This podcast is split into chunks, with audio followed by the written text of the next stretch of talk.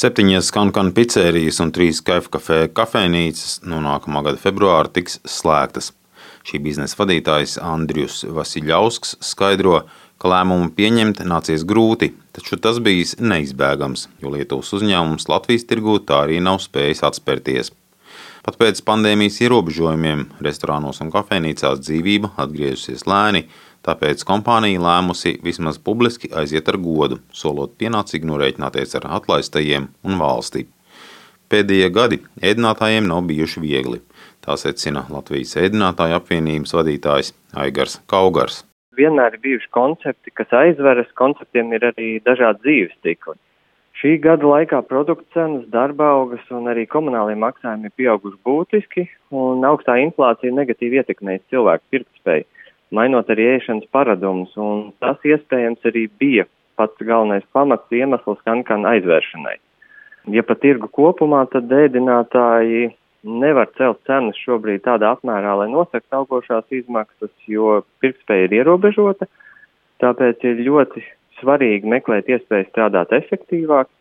Tāpat būtu svarīgi, lai jaunā valdība turpinātu darbu pie darba algas nodokļu samazināšanas. Tas ļautu maksāt labākas algas ēdinātājiem, kā arī atlicinātu vairāk naudas pārējās sabiedrības makos, kas tad varbūt kādu papildu maltīti izvēlētos ieturēt ārpus mājām.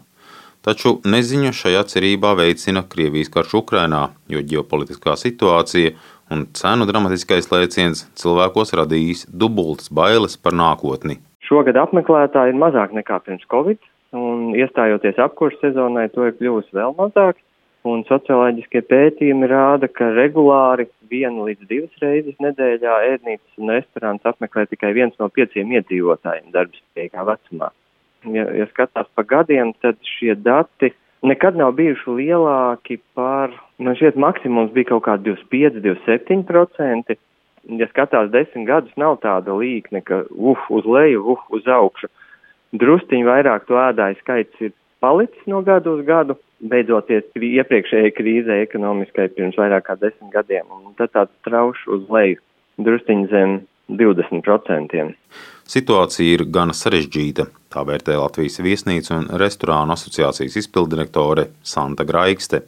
Ēdinātāji nav varējuši gala produktu cenās iekļaut visu cenu kāpumu. Ļoti ceram, ka decembra mēnesī, ko mēs redzam, ka tā pozitīva tendence, ka arī pasākumus organizē un, un svētku vakariņas un, un kolektīvi grib atkal organizēt um, saviem darbiniekiem pasniegt kā dāvanu vai, vai pat korporatīvos pasākumus, kas, protams, ir, ir ļoti pozitīvi un droši vien arī gan daudziem uzņēmumiem būs arī kā izdzīvošanas. Kā, bet kopumā, protams, tā situācija ir sarežģīta. Uzņēmēji tagad pauž atgādinājumu partijām, kas pirms vēlēšanām solīja samazināt pievienotās vērtības nodokli pārtiks precēm un sabiedriskās ēdināšanas uzņēmumiem. Mēs ceram, ka politiķi arī sapratīs un attiecinās uz sabiedriskās ēdināšanas uzņēmumiem. Tas palīdzētu izdzīvot, tas palīdzētu arī piesaistīt papildus darbiniekus, novirzīt šos līdzekļus darbinieku atalgojumam. Pretējā gadījumā gan tā var būt vēl lielāka katastrofa nozarei. Darbinieku trūkums nozarē ir, ir vēl viens jautājums, kas joprojām ir ļoti, ļoti aktuāls.